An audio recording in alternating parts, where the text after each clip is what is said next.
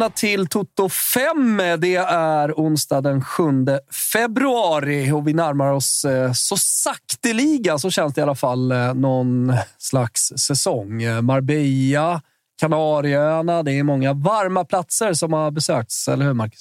Ja, men även framförallt att träningsmatcherna börjar komma igång. Eh, stolta Snoka städade väl Uppsala med 6-0 här i, i första matchen. Det så? Ja. Eh, och nu börjar det ju faktiskt tugga igång mot svensk säsong. Och, oavsett om jag, jag har kommit in i att tycka att det är roligt att följa världsfotbollen med och svenskarna där kanske specifikt, så är det ändå någonting när allsvenskan börjar närma sig som... Då spritter det extra i kroppen tycker jag. Och eh, Robin, jag misstänker att du har sett eh, en hel del fotboll eh, på slutet, även om den svenska bollen inte är igång. Nej, men jag, jag är ju då antitesen där till, till Marcus. Jag, jag stänger ju gärna i alla fall både ögon och öron kring den svenska vinterbollen eh, med fördel tycker jag. Det får i alla fall börja vara kuppspel i eh, Svenska kuppen här innan eh, mitt intresse kanske skruvas på. Sen noterar vi resultat hit och dit, men det är ju jävligt svårt att göra något av det. Så det är mycket fokus den internationella fotbollen i alla fall några veckor till. Det är svårt, Uppsala, svårt att göra något av sådana träningsmatcher mot ett så stökigt lag som Uppsala som väl har 17 nya spelare den här eh, vintern. Eh, visst, det... Många unga spelare från sin egen akademi och sådär också. Ja. Som, eller det... många, men de, de, det kommer spelare därifrån också. Men såklart, det, det gör ju någonting med att hela vårt problem förra året var att vi oavsett hur mycket, vilket lag vi mötte så kunde vi inte göra mål överhuvudtaget. Så bara att få få in sex baljor mot ett skitlag i första träningsmatchen. Mm. Det är klart att som supporter så blir man ju lite så. Nu, mm. nu jävlar kör vi här. Mm. Eh, nyförvärv från Häcken också. Eh, ju. Eh, i, I anfallet som kanske är det som IFK Norrköping har behövt mest. Eller som det som jag har varit lite orolig för.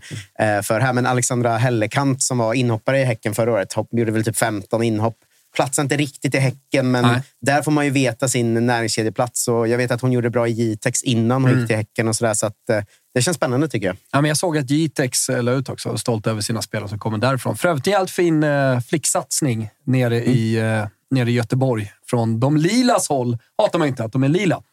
Du, är, det, är, det, är det Niklas Alexandersson va, som är involverad där? Är det inte det? Du, eller vem är det nu som är involverad där? Nej, men jag var faktiskt med om eh, var med om. Men eh, han gjorde faktiskt sin sista kupp eh, som eh, tränare för deras F15-lag. Hans dotter, som är väldigt duktig och kommer säkert gå hela vägen till om inte första landslagssamlingen så i alla fall eh, rikslägret. Det är ju 09 eh, som eh, kör första F15-landslaget den här säsongen och det är ju den kullen som jag har varit involverad i i Bayern och eh, den som Niklas Alexandersson, då, den gamla landslagsspelaren, har varit involverad i och varit tränare för.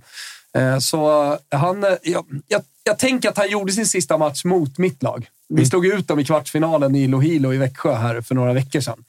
Eh, och så, vi har ju mötts flera gånger eftersom det, det, de har hela tiden varit det bästa Göteborgslaget så har vi varit det bästa Stockholmslaget. Så har vi mötts.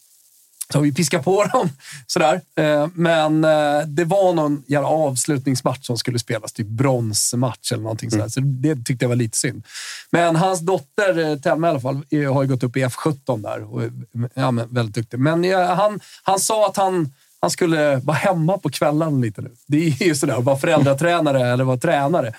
Det, du, har liksom inget, du har ingen ekonomi i det. Eller sådär. Det är bara passion. Och då gäller det att det, man brinner. Men att han har tagit hela, hela, hela Eh, eller han tagit laget hela vägen till en plats där man ändå har varit någonstans topp tre i, i Sverige. Det eh, säger ju någonting om hans tränarkompetens ändå, eller hur? Nej men exakt, han, eh, han kan väl eh, uppenbarligen lite genetiskt ha, ha skickat ner en del fotbollsförmåga i, eh, i sin egen dotter. Men sen handlar det om att forma ett lag runt det. Så, ja, det är ju sonen de... också. Ska ju sägas. Noah Alexandersson och sen Precis. ytterligare en lite äldre dotter som också är duktig. Så att generna har ju uppenbarligen gått ner. Men när man då dessutom lyckas forma ett helt lag, även om mm. det säkert har varit en, en bärande spelare i det, så visar det ändå på att det finns ett, ett fotbollshantverk också. Vi får väl se om eh, Alexandersson dyker upp på några andra scener. Vi mötte dem i Gotia, typ åttondelsfinal och vann 4-0 för två år sedan. Och så mötte de i gruppspelet i somras. Vi får alltid, alltid mm. Jitex i, i Gotia. Det, är så fint, det är så fint när man ändå vill lyfta fram någon annan ungdomstränare där ute i landet och du bara kommer med resultaten och sågar dem fullständigt. Visst är det bra, men... men. Ja, exakt, exakt. Nej, men det jag skulle säga var att det var jag, Macka Ringvall, då, som var tränare för laget, superduktig tränare, eh, som, som eh, liksom stod på bänken när vi skulle mötas. De hade åtta ledare. Det var liksom bara uppradat med JTX-ledare och varav profiltätt då. Dels Niklas Alexandersson, men också Dick Last Oj! eh, som, som var med i, i staben. Oväntat. Jag, jag, trodde, jag kunde Ovä- inte i min vildaste fantasi förvänta mig att det var Dick Last du skulle Nej. nämna i det sammanhanget. Men, Men det måste ju vara Kul. Sveriges liksom satsigaste akademi. Alltså åtta i staben på ett flick Men det var väl 09-lag. varenda förälder. Alltså, det var snarare det. Så att, och så skulle vi, det var åttondelsfinal i Gothia, så alla dök väl upp. Och det var dessutom i Mölndal, på deras plan. Så att, eh, det, det, var, det var verkligen hemmalag och, mot bortalag där nere. Det känns göteborgskt Ja, att vara så. Jos- allihopa. Joskan är på bänken. Det är för fan åttondelsfinal, för Det är helvete! Gothia. Min kusin också. Uh, nej, dålig göteborgska. Riktigt svag. Har du träffat Rogga, min kusin? Han hänger med också. Kom Rogga, för helvete! Rogga! Eh, nej, men eh, vi får se. Kanske dyker upp någon annanstans. Eh, snart, uh, Niklas Alexandersson. Vad- hur kom vi dit? Eh, ingen, eh, IFK Norrköping har värvat en Häckenspelare med förflutet i Jitex. Alltså, eh, så så Lasse- landar vi i Gothia Cup. Det brukar vara där vi, vi hamnar till slut. Men för ska man inte ta den eh, bryggan in i eh, svensk debut och oväntad vinst då? För eh, West Ham tvålade ju dit eh, Arsenal från ingenstans. Håll den, hold your thought i två sekunder, så skulle jag bara säga som en förlängning på väg in i den bryggan, som en eh, mellanbrygga. Så, så att jag och Carl, vi pratar om vad vi kollar på för fotboll och liksom, vi tar ungdomsfotbollen upp till F19, bara kort, så att jag kollar på alla matcher i helgen. Det är också helt sinnessjukt varför jag gör det. Men när det var Nordic Championship, eh, och det är alltså svenska förbundet, det är finska förbundet, det är Norska förbundet, danska förbundet eh, som går ihop och så gör de eh, ja, men ettan och tvåan då, från förra året. Eh, Men nu såg jag att Umeå var med. Jag vet inte om de hoppade in istället för något lag som inte kunde komma från annat land. Men annars var det liksom Esbo, det var Nordsjälland, Arna-Björnar som vann. Och så, ja, men den mest prestigefyllda F19-turneringen. Och det är ändå liksom steget innan A-lag. 06 någon 05 och sen så är det klart att lag har med ja, men någon 07 och så vidare. Noterade att Häcken kom eh, med sitt elitettanlag från förra året. Typ de som åkte ut och ska spela division 1. eh, och Märkte mig tydligt att de har spelat seniorfotboll och var liksom väldigt strukturerade och sådär. Och sen eh, Bayern kom ju då som Bayern alltid gör med liksom 09 och 08 Så de är mycket, mycket yngre. Jämna matcher överlag. Vi kan inte dra några större slutsatser på att eh, liksom dansk fotboll ligger före finsk eller svensk, utan ja, men det var 2-2 straffar här och ja, men så, så vidare. Det, kanske lite att Danmark ligger före även på flickfotbollen. Det jag noterade i alla fall, som jag ville ta med mig, det var att eh, det här Right to Dream-samarbetet, jag vet inte hur många som lyssnar på Toto 5 som har koll på det, men eh, Nordsjälland ägs ju av Right to Dream som i sin tur ägs av Mansour Group som är Afrikas rikaste konsortium, rikaste man, en egyptier som äger. Så att det, det finns väl någonstans obegränsat i Nordsjälland att spendera. Sen finns det Financial Fair Play och andra saker att förhålla sig till. Men de har en otrolig flicksatsning i alla fall. Första gången jag ser två stycken afrikanska spelare i ett flicklag. Alltså importer från eh, Ghana eller Elfenbenskusten. Det vet jag inte, men de kommer från Right to Dream. Ghana brukar ju Right to Dream Ja, det är om har Right to Dream, men de kan- i alla fall. Ja, men jag tror att nationaliteten kan ha varit Elfenbenskusten. Det var Okej. det, det jag är osäker på. Hur som helst, otroliga. Men det är ju så här... Där har ju Eh, de, men, helt oupptäckt marknad. ja, men där har ju på damfotbollen inte... Liksom, eh, det är en som inte kommit ifatt här fotbollen i den liksom... Att värva nästan- unga afrikanska spelare. Ja, men det som är gränskolonialt ibland, det här fotbollen. Att vara nere där och liksom övertyga den mest talangfulla 13-åringen att om några år ska du komma till vår klubb. Där är ju, allsvenskan har ju varit ganska duktiga där i här, här sammanhang, men Odilon och så vidare. Ja, men de som är först in där i damsammanhang har, kommer ju vara Right to Dream såklart. Men den svenska klubben som först tar det steget har ju en sån jävla fördel gentemot, eh, gentemot de andra. Ju. Ja, och det är säkert svårt att hitta de spelarna som har precis börjat eh, och så vidare. Men det här, jag, jag, jag tyckte någonstans att eh, jag såg starten på någonting som kommer att växa väldigt mycket framöver. Vad tror Ja. du?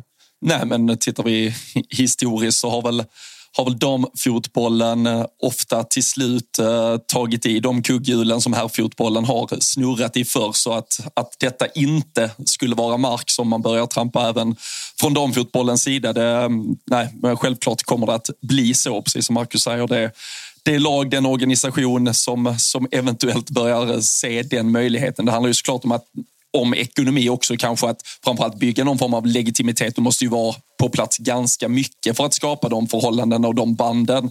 Och då är det ju såklart en ekonomisk kostnad där du kanske först måste du måste nog se de här right to dream-exemplen på spelare som kommer, går den vägen, säljs för summor där vi om några år börjar få de här försäljningssummorna. Det är ju någonstans ett helt hjul här som ska snurra mm. för att investeringen av tid och pengar på om vi säger, gräsrotsnivå där borta skulle kunna betala sig i längden. Men det är klart att när vi ser de första eh, större transfersummorna gå på spelare vi har, man har plockat kanske från då den eh, afrikanska kontinenten, kommit hit, utvecklats och sen går dyrt. Det är klart att fler lag kommer att fylla på med, eh, med samma tankar i så fall. Undrar om inte det här kommer vara ännu en sån grej där dubbelklubbarna kommer ganska lätt springa ifrån de andra. För att jag, men, jag menar att, alltså, Hammarby har ju redan en organisation på plats ja, där nere. Det, men exempel. både häcken, häcken, Hammarby, IFK Norrköping, Malmö, alla de har ju sina scouter som har koll på Afrika och är på plats i många afrikanska länder. Det är klart att skickar du med den scouten uppdraget att skaffa lite, etablera lite kontakt med några dam eller mm. flicklag också. Um, så, så det, det har nu inte... är det ju typ bara Right to Dream kanske som fångar upp dem där Men det kommer tidigt, inte vara inom fem år? Nej, säkerligen inte. Uh, och, och, de var jävligt bra. Jag hörde mm för ett par månader sedan om de här spelarna och att de inte spelade dem i turneringar än. Och de hade varit i Nordsjälland ett tag för att de ville inte att storklubbarna skulle få upp ögonen för dem för att de var så jävla bra. Så det var första gången liksom man fick se dem in action. Eh, och eh, det, Fan, stor talang. Till slut vann Århus hur som helst för de som är intresserade av resultat. Över Nordsjälland så var heldansk final på mm. straffar. Eh, därifrån eh, tänker jag att eh, vi tar oss till din brygga. Då. Om det här då var mellanbryggan upp till eh, seniorfotbollen. Vad, vad hade du på hjärtat där kring West Ham? Ja, men jag hade en sån dubbelbrygga som tyvärr har eh, gått i sank nu. Då. Men, eh, det, det, det, är en annan gammal Häckenspelare i Marika Bergman Lundin som har gått till West Ham. Som faktiskt mm. fick inhopp i 85 då och gjorde sin debut för West Ham. Som ju legat sist, men från ingenstans går och slår Arsenal här. Det, var, det är ändå Alltså, dels kul att hon får göra debut och att eh, ännu en spelare från, från damallsvenskan hittar ut i eh, storfotbollen, så att säga. Men eh, vilken eh, skräll ändå. Den såg man ju inte komma. Nej, och Nej. framförallt för ett Arsenal som vi har pratat om senaste veckan. Få tillbaka Bet Mead, få tillbaka Midema. De, de skulle snarare förväntas växla upp och kanske försöka äta ikapp lite på det där Chelsea. Nu är man ju sex poäng bakom Chelsea efter att de också vann i helgen och Eidevall satt ju och pratade på presskonferensen efteråt om att det är någonstans inte acceptabelt och han har ju sett det här för att du går på ungefär en plump per säsong och så räcker det kanske för att du inte ska nå hela vägen för att utmana Chelsea. Så han, han vet ju hur jävla illa tyvärr de här poängtappen är och eh, för ett Arsenal då som brände Champions League-spel den här säsongen. Man har bara haft ligan att fokusera på och är man lite taskig mot de här nu så kanske avståndet redan med nästan halva säsongen kvar att spela är för stort till till Chelsea och då, då är det ett, eller ett Arsenal som har storsatsat med eh, Alessia Russo in. Spelare som sagt som har kommit tillbaka. På pappret är det här ett lag som ska köra över West Ham. Så det är dessutom 1-0-ledning i paus och allting såg ut att gå deras håll. Så eh, det är klart att det är för, för Arsenals del en, en jätteplump på något eh, som ja, Edevall kommer att få besvara och, och brösta upp här framåt. Och det, jag vet inte hur vi måste förstå vilken nivå Arsenal och de här lagen ändå vill kampera på och eh, Edevall, eh, det börjar bli lite tunt med framgång och han har trots allt varit där ett tag. Så nu är det inte ett resultat med West Ham som eventuellt eh, skickar han till någon arbetsförmedling, men det är klart att det ökar pressen på att ändå Champions League-miss. typ gå rent härifrån. Också, den, mm. den är väl tung att de inte tar sig in i gruppspelet Champions League? Ja, ja men... det är ju jätte, och det, och, det, och det är just därför ligan någonstans skulle kunna vara den enda ursäkten att man ändå lägger allt det fokuset där och därmed räddar ja. någon form av ja, men, uh, ja, räddar upp säsongen därigenom. Men, ja, men när det man nu redan ser ut att kört. Nej, man får ju också se upp det. Såg Blackstenius, eh, Kyra Cooney Cross, alltså nyckelspelare som startar på bänken i den här matchen. Mm. Jag tycker också att det var tråkigt, för jag har ju alltid det extra svenska ögat när man kollar. Att Ilestedt blir ju inbytt i halvtid och 13 mm. minuter senare så har de vänt till 2-1. Det är inte hennes fel specifikt, men fan vad man ogillar den typen av inhopp från svensk spelare ändå mot ett mm. så dåligt lag som West Ham faktiskt ändå är i grunden. Jo, jag tycker om vi, om vi ska kanske vända på det som du pratar om, där, med att de här, de här spelarna är bänkade eller vilade. Det, det är snarare faktiskt ett tecken på den truppbredden Arsenal har. Alltså, de har ju till, ja. Det är inte så att de ställer upp med ett B-lag eller att de drar eh, av några spelare och vilar, utan det är ju konkurrenssituation på alla de här. Alltså, Ilestedt kommer in istället för Leo Williamson, Blackstenius, eh, hon ja, sätts åt sidan istället för Alessia Russo inledningsvis. Så det är ju inte på något sätt heller att de försöker, utan det här, alltså Arsenal visar ju bara vilken jävla trupp de har och ändå gå på den här plumpen. Det är ju snarare, som sagt, det, det spär egentligen bara på hur, hur svagt det tyvärr är från Edvard. Um, för den offensiva fyran de startar med, alltså Midma, Mid, Ford och Russell, det, den ska ju Alltså, den ska ju den göra fyra mål på ja, ja, alltså, Det är ju en sån, okej okay, vi leder med 4-0 i halvtid och sen kan vi lyfta lite. För, alltså, det är ju på den nivån. Så att, eh, klart att eh, Jag, jag, jag håller med dig om att, eh, eller jag tror inte heller att han får sparken nu, liksom, men det, det är ingen snygg säsong från Eidevall att missa Champions League och det kommer ju, om det fort... Alltså Chelsea är för bra. Det kommer ju vara nio poäng emellan eh, när, när säsongen är slut. Ja, och det är ju alltså, nu ingen, ingen liknelse direkt i över, men jag, jag har ju som Liverpool-supporter sett det på här sidan mot ett Manchester City när man har slagits över en lång säsong. Att det räcker ju tyvärr. Alltså det, det är ju kanske jävligt trist kan man väl tycka att fotbollen har kommit dit, men en, två plumpar på en säsong så finns det så pass bra lag i den där absoluta toppen att du du får inte så många chanser att reparera det. Även om man skulle vinna något eh, extra dubbelmöte eller något möte då internt där i den där toppen så har du ändå tappat de här poängen och eh, Chelsea vet ju att de kan i stort sett kryssa sig igenom mot toppkonkurrenterna och bara se till att de går rent alltid i övrigt och det tenderar de ju att göra. Så det, jag tror ju att Chelsea eh, kommer att promenera hem ligatiteln ganska enkelt. Det är ju ett City dessutom nu. Om man tittar på Arsenal så är det ju faktiskt City som är närmst att ens utmana. Men jag ser inte riktigt dem hålla heller över, över säsongen in i mål. Och Arsenal har eh, Manchester United precis bakom också till helgen. Det blir ju en eh, nej, nästan säsongsavgörande match för dem, eller för, för Eidevall. Ja, och det, det, finns ju bara att eh, studsa, studsa raka vägen tillbaka och att i alla fall befästa sig i, i topp tre med tanke på hur Champions League-kvalen ser ut till, till nästa säsong så är det ju någon form av ja, men, minimikrav på att lösa det i alla fall. Skulle till och med tredjeplatsen börja ja, men, hänga lite löst, då, då kommer det bli ganska hett om öronen för honom. Ska man ta andra svenskperspektivet där ska man väl säga att Björn och Rytting Kaneryd fortsätter vara givna startspelare i Chelsea och eh, Björn gör det ju svinbra som mittback eh, där nu. Jättebra. Jag har alltid hävdat att jag tycker att det är där hon ska spela av alla positioner. Som, som eh, hon, hon kan spela på sexa, ytterback, så tycker jag att hon får ut maximalt av hennes kvaliteter som mittback. Ja, nu fick man väl lite, lite domare. Så det, var, det var ganska så, så högljutt kring, eh, kring det här. Det är ju två straffsituationer som gör Chelsea både 1-0 och 2-0. Guru Reiten som sätter dit dem. De var väl inte de Ja, det var väl kanske inte de mest självklara, det var väl inte genomgående den absolut mest ja, fantastiska domarinsats vi såg där. Så jag förstår att Everton kanske var lite besvikna efteråt. Sen var det ju en klasskillnad mellan lagen och Chelsea ska väl vinna det ändå. Men uh, kanske att siffrorna var, var lite orättvisa när man uh, zoomade ut allting. Och, uh, Hanna Bennison från, uh, från start för, för Evertons del. Men vi, vi, näm vi nämnde det senare så vi behöver inte bli en repig skiva men eh, nu, nu var hon uttryckt lite på någon vänsterkant och det känns bara som att hon inte hamnar rätt i det där Everton-laget. Så Nej. låt oss hoppas att en sommarflytt finns i pipen för henne. Den sista svenska vi pratat om, i mycket i Nildén, startar ju igen och spelar 90 för, för Tottenham. Men eh, jag fastnar ju mer egentligen för Tyskland och att Sembrant gör sitt första mål för Bayern München sex minuter in i andra matchen. Det, är ändå, det, det gjorde en glad ju gör mig framförallt ledsen på att du nämner Tottenhams insats och att det är mot Liverpool att Liverpool kvitterar ja, till 1 och det inte kommer med i ditt lilla svep därifrån. Men det, det är okej. Okay, okay. Liverpool som gör en bra säsong följs ju med eh, just eh, Spurs i någon slags ingenmansland kring femte, sjätte platsen.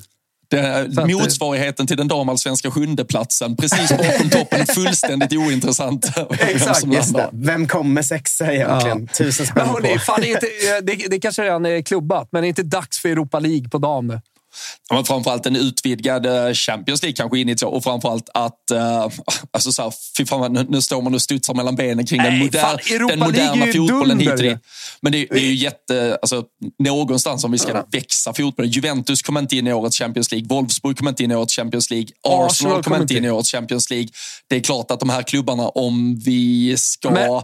kräva att de satsar så måste de ju nog få garanti. De ska inte få garantier att de ska få spela i Champions League, men det är klart att tre engelska lag kanske ska rakt in och inte råka ryka på något jävla sommarkvalspel mot ett formtoppat holländskt lag eller vad fan som helst. Utan vi måste ju utöka det. I alla fall 24 lag från um, så snart som bara möjligt. Och sen lägga på en ta bara liksom, eh, ja, men ta alla de lagen som inte kommer in från... Ja, men ta Sverige, Tjeckien, Slovakien, eh, Portugal eh, och så vidare. Alltså det, det, är många bra lag där som inte har en chans att eh, komma in, men som ändå är med och tävlar i, i den nationella toppen. Eh, tar du från eh, England så ja, men det är jättemånga lag i Italien, topp fem där också som går till den här sluttabellen borde ju såklart få eh, spela i Europa. Det är storsatsande lag. Milan, Inter. Fiorentina. Eh, nu vinner ju Roma ligan enkelt vad det ser ut som och eh, sådär. Men ja, det, det, det måste till mer Europaspel och det finns resurser, det finns vilja och det finns spelare numera för att hålla en hög kvalitet. Även i ett Ja, men utökat Champions League kanske absolut, men även i ett Europa League. Jag är med dig. Jag tycker Europa League kan vara jävligt roligt. Danska alltså. toppen, norska toppen, finska toppen. Alltså det finns många lag som kan spela i Europa och få till en riktigt bra kvalitet, riktigt bra kvalitet på en, på en europeisk liga som inte är de allra bästa.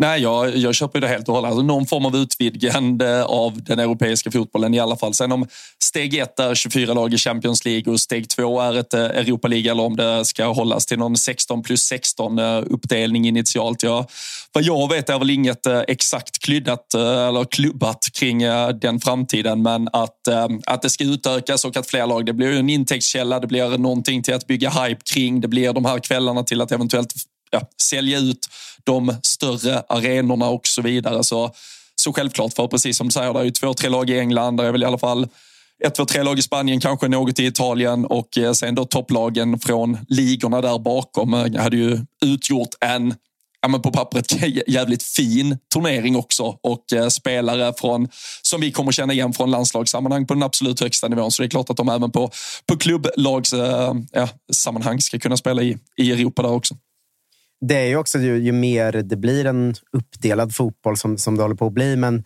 tydlig toppfotboll med mycket mer pengar och en fotboll som släpar lite efter, alltså den svenska och sådär.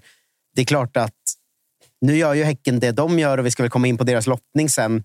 Men över, över, över de närmaste tio åren har man ju svårt att se många svenska lag som faktiskt kan hävda sig i Champions League. Det har, har jag väldigt svårt att se. Det kanske är Häcken om de får någon träff här nu då, men Europa League, det ger ju någonting att Hammarby eller om det nu är Rosengård eller vad det nu är som kommer topp tre nästa säsong, att de också ska få ett Europaspel som kanske inte är på den absoluta toppen, men ändå kommer vara väldigt kul att följa. Det är klart. Kommer jag, jag svinkul. Ja, det, nu finns ju underlaget i Europa också. Det kanske inte fanns för fem år sedan, eller det fanns inte för fem år sedan, men nu finns det definitivt tycker jag. Mm, ska jag, jag har ju eh, satt någon ram här i mitten av avsnittet med min lilla svenskkoll. Jag har två noteringar till eh, i min lilla svenskkoll. Sen, sen kan vi gå in på Champions League-kvalet kanske. Men den ena är Fiorentina. Att det är Pauline Hammarlund som eh, gör målet som löser att det ändå blir straffar och Fiorentina går vidare till semifinal. Va? Jajamensan. Coppa Italia pågår just nu. Napoli har 2-0 på överlägsna Roma inför returen ikväll. Se hur eh, Roma kommer komma ut som hungriga vargar och om de kommer kunna vända på det. Men igår alltså, precis som du sa, så så tog Inter ledningen på tilläggstid efter 0-0 i ordinarie tid och sen så gjorde Pauline eh, Hammarlund 1-1 och så blev det straffar och så gick de vidare på Viola Park med fin tyst minut för eh, Kurt Hamrin innan matchen också. Men varför den fullständigt uh, hädiska avsparkstiden 15.00 en tisdag? Ja. Var det, var det, någon, det, var, det var inte ens helgdag i Italien igår antar jag, utan bara, de bara hatar fotboll eller? Ja, det är faktiskt helt... Eh, alltså det är så himla konstigt. Jag vet, så här, I Sverige kan det ju ibland vara att så här, det kval till Svenska cupen ligger så här en torsdag klockan 15 och då blir man ju galen. Men hur kan liksom en kvartsfinal ligga en tisdag vid 15? Det är ju helt stört. Ja. Returmöte, du vet. Ja.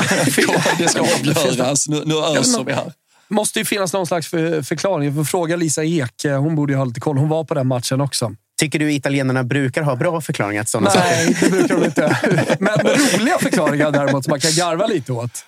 Ja. Eh, men eh, vi, vi, vi, kan inte, vi kan inte bara stanna vid eh, Pauline Hammar Lund, utan vi måste också ta oss till det som händer i Serie A. I svensk väg. Men jag hade en till, en till liten notering ah, okay. där. Att Evelyn EJ gjorde sitt första inhopp för Milan också. Så att hon är i, i spel nu. Det ska bli spännande att följa. För det är en, Alltså när man har sett henne, jag tycker det finns mycket spets i den spelaren. Alltså. 100 procent. Eh, från eh, Växjö till eh, USA och sen vidare till Milan. Ja, men precis. Så vi, jag, jag, nämnde väl det i slutet typ av förra avsnittet när jag satt och kollade. Vi satt och kollade på de där italienskorna eller de svenska Juventus-spelarna som hade flyktat från Juventus och Turin, men att eh, Evelyn Idje då ryktades till Juventus. Nu blev det Milan istället. Det är klart bara en eller två dagar efter vi hade spelat in. Så, men kul att eh, få henne tillbaka i den europeiska fotbollen. Sen däremot så är det ju lite oroväckande för Milan faktiskt. På tal om den där Scudetto-serien. Vi ska in och spela. Det är bara tre omgångar kvar tills att uh, italienarna körde härliga greppet. Eh, det är väl det lite halvdansk-belgiska greppet eh, från här fotbollen att klyva tabellen på mitten. Man går upp i en, ja, Scudetto-serie där man slåss om titeln, en nedflyttningsserie. Och om jag har räknat rätt nu så är väl vad är Milan? De har fem poäng upp till Sassuolo på femteplatsen. Tre ja. omgångar kvar. Och eh, nu kan vi ta, på tal om det, så slog Milan ut just Sassuolo med totalt 6-0 i kvartsfinalen av den där jävla Coppa Italien. Så de är ju egentligen, får man väl säga, ett bättre lag än Sassuolo, men ser ut att ha slarvat bort kanske chansen att ens eh, spela slutspelsserie om det vill sig riktigt illa. Sassuolo slaktade ju Napoli också. Det var två missade straffar i den matchen, ändå vann de med 2-0. Så det var, ju, det var ju en eh, speciell match. Men man ska säga också att eh, Milans match här de hoppade in var ju mot Fiorentina där Janogy igen gör mål på andra sidan också. Så att eh, hennes superstart fortsätter också. IJ fick en hel halvlek, men mm. det är klart att det, det är kul ur svensk hänseende att IJ får spela, men det är ju nästan ännu roligare att eh, Janogy fortsätter ju att totalt slakta hela, hela Italien. Fem mål på tre matcher. Nu spelade hon ganska kort i kuppen. Jag misstänker att hon ja, men inte riktigt hade fysiken och det är fokus på ligan. När man känner, ja, jag, jag, tror det i alla fall. Och hon kom ju dessutom från ett uppehåll, även om jag vet att hon tränade hårt hemma i Sverige innan hon flyttade till Fiorentina. Så, så har hon ju, tycker jag, varit imponerande fysiskt stark också eh, när hon har kommit ner och varit redo direkt. Nej, men verkligen. Och för att bara avsluta kring, kring Milan Sassuolo. Jag Milan, de möts ju här uh, till helgen, uh, vilket blir jävligt avgörande för den där striden kring mittstrecket. Och sen i näst sista omgången så har Sassuolo Roma borta när Milan har Sampdoria. Så man skulle ju faktiskt med två vinster här kunna kliva förbi. Och då har alltså Milan ett Milano-derby i 18 omgången. Så då kanske. Inter däremot kan spela bort Milan från att ta sig in i uh, Scudetto-serien. Så vi har fan rafflande avslutning på den uh, italienska första mm. etappen av säsongen i alla fall. Vi har ju pratat om det innan. Det är såklart så att Evelyn Ije var i Mexiko i Tigres. Det var ju den Precis. övergången som var så anmärkningsvärd då. Från uh, Växjö efter att ha gjort uh, första säsongen 21 mål och sen 10, 10 mål i allsvenskan när hon såldes tycker det är skönt på något sätt att hon, även om jag tyckte det var romantiskt, fotbollsromantiskt charmigt, att hon gick till eh, den mexikanska ligan som damspelare, som kanske inte hör till vanligheten, så tycker jag ändå att det, det känns skönt att ha henne i en toppliga i Europa. Alltså när någon går till ett sånt roligt land så blir man ju glad av det, men man vet ju att man kommer inte konsumera en sekund av det. Nej, alltså, så det är såklart Nej, att det, det är roligare. Nej, och att vi inte konsumerar det får väl, eh, det, det får väl folket uh, ursäkta. Men däremot man ska ju faktiskt ge cred till den mexikanska damfotbollen faktiskt som har byggt otrolig hype kring det. Det är välbesökt på de där läktarna. Många jävla utsålda arenor med, med folk som tar uh, kanske i grund och botten sin då herr, herrlags uh, ja, lojalitet i supporterskapet och tar den med sig och fyller även läktarna för damerna. Så det har varit några otroliga jävla läktarupplevelser där borta i alla fall. Um, nu har jag inte följt det i detalj de senaste här, men uh, man har ju verkligen sett bilder från det. Så förhoppningsvis har hon ju i alla fall fått, fått en upplevelse med sig. Men uh, jag tycker att om, uh, om hon, nu kanske vi inte hinner se så mycket under våren, men till nästa säsong om hon etablerar sig och är en startspelare i Milan så kommer det ju vara en, en spelare också aktuell för det svenska landslaget, hoppas jag. Och det, det utgår jag ifrån, för jag tyckte hon visade tillräckligt mycket i Växjö i vad gäller typ att kunna vara en enmannacirkus när, när det behövs. Så uh, nej, Evelyn Idje kommer vi följa noga igen. Eh, nu sa du att man får kritisera oss för det om man vill, men om någon kritiserar mig för jag har för dålig koll på den mexikanska fotbollen, då kommer topplocket gå. Alltså. Mig får ni inte kritisera för det. Nej, det, det, det, det får ni bara köpa. Rikta det till mig.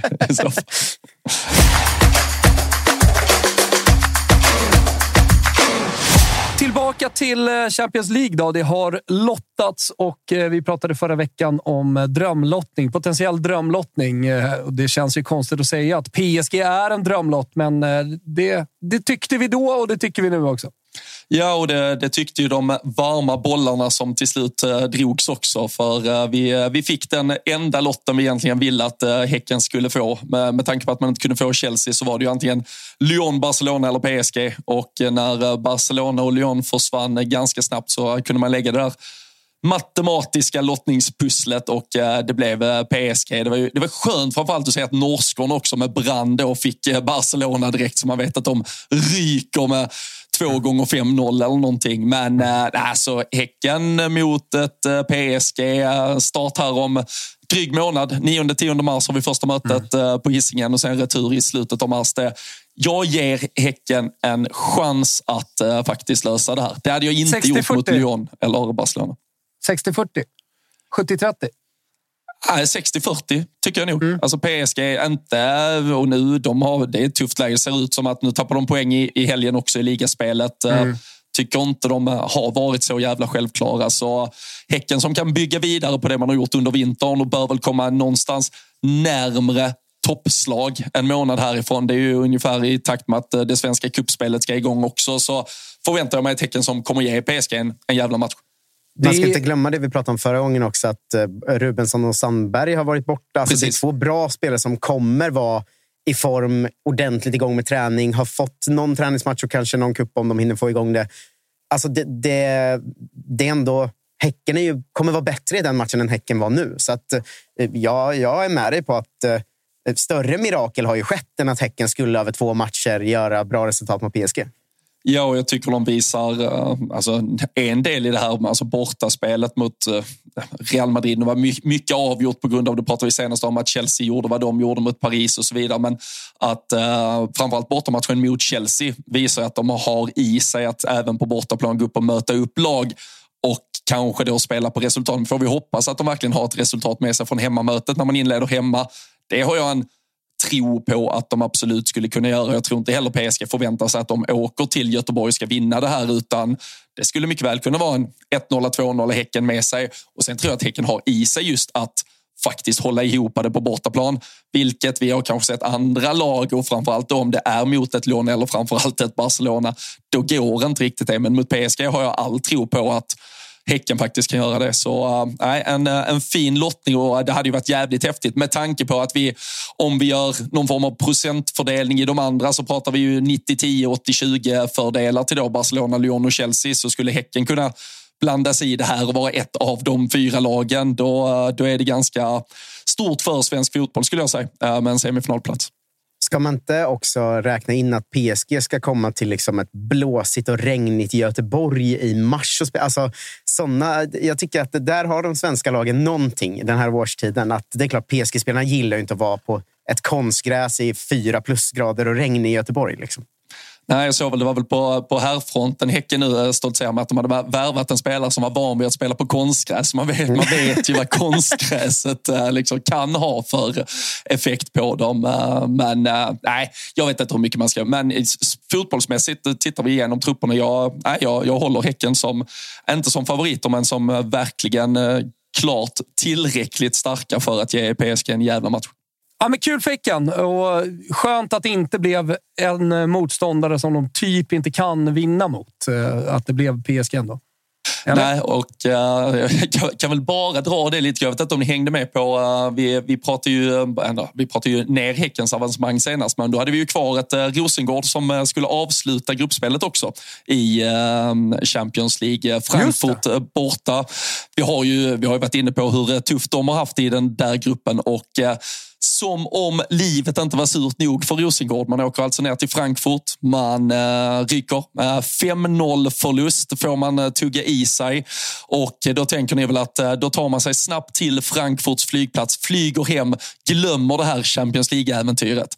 Men nej, då är det alltså strejk på Frankfurts flygplats. Så det blir buss till Hamburg och det blir bussbyte i Hamburg för att sen bussas hem till Malmö. Så uh, jag tror uh, när vi summerar Champions League-äventyret uh, den här säsongen så Rosengård är ganska glada över att allting är över i alla fall. Ja, men alltså, vara fast på Frankfurt Hahn, denna jävla gudsförgätna plats. Det är, ja, roligare grejer kan man göra. Ja, det undrar man inte ens sina värsta fiender. Men var nej, som sagt, Rosengård. Var har du varit fast någonstans? Ja, vi, hade, i, vi, var, vi gjorde en sån Romresa med eh, Kolla Svenskan när jag gjorde den. Att vi tog med lyssnare till Rom. Det var ett totalt haveri. Jag, jag kunde inte planera resor visade det sig. Gick back så Såklart 60, du inte kan. Gick back kanske 60 000 på att vi hade planerat allt fel. Hade liksom lovat att så nej, nej, den här matchen kommer inte flyttas. För jag hade inte koll på att alla matcher flyttas i Italien. Så fick man liksom bjuda på en hotellnatt extra ur egen ficka. Du vet. Alltså, det, jag hade bara planerat, planerat som en idiot. Man, men... Folk ska inte planera och organisera resor. Nej, varför nej, ska du till Rom ens? Ja, men då hade jag liksom fått hjälp med all grund och ändå lyckades men varför fucka... skulle du göra det? vi skulle se Roma-Bologna för det var tre svenskar i spel. Ah, men overkligt. då var det när vi skulle hem att uh, alla hade bokat egna flyg. Så det som ingick var ju hotell. Alltså Robin, och... kan du se dem vilsna? Marcus Tapper någonstans ska leda folk i Rom kan inte språk, har inte koll på någonting där nere. Alltså, varför köper folk ens den resan? Jag, jag är golvad alltså, av, jag, jag kan, av jag kan se det framför mig faktiskt. Alltså, det är en sak att haka på Robin till, eh, till eh, Liverpool. Eller till och med Manchester, eller mig till Florens, eller Milano eller Rom. Mig till Norrköping. Men Marcus, ja, exakt. Det hade ju varit rimligt. Ja, vi ska ut till Kolmården en sväng och sen ska vi vidare till Finspång, käka pizza och sen avslutar vi med en jävla dunderkväll på God vän i Norrköping.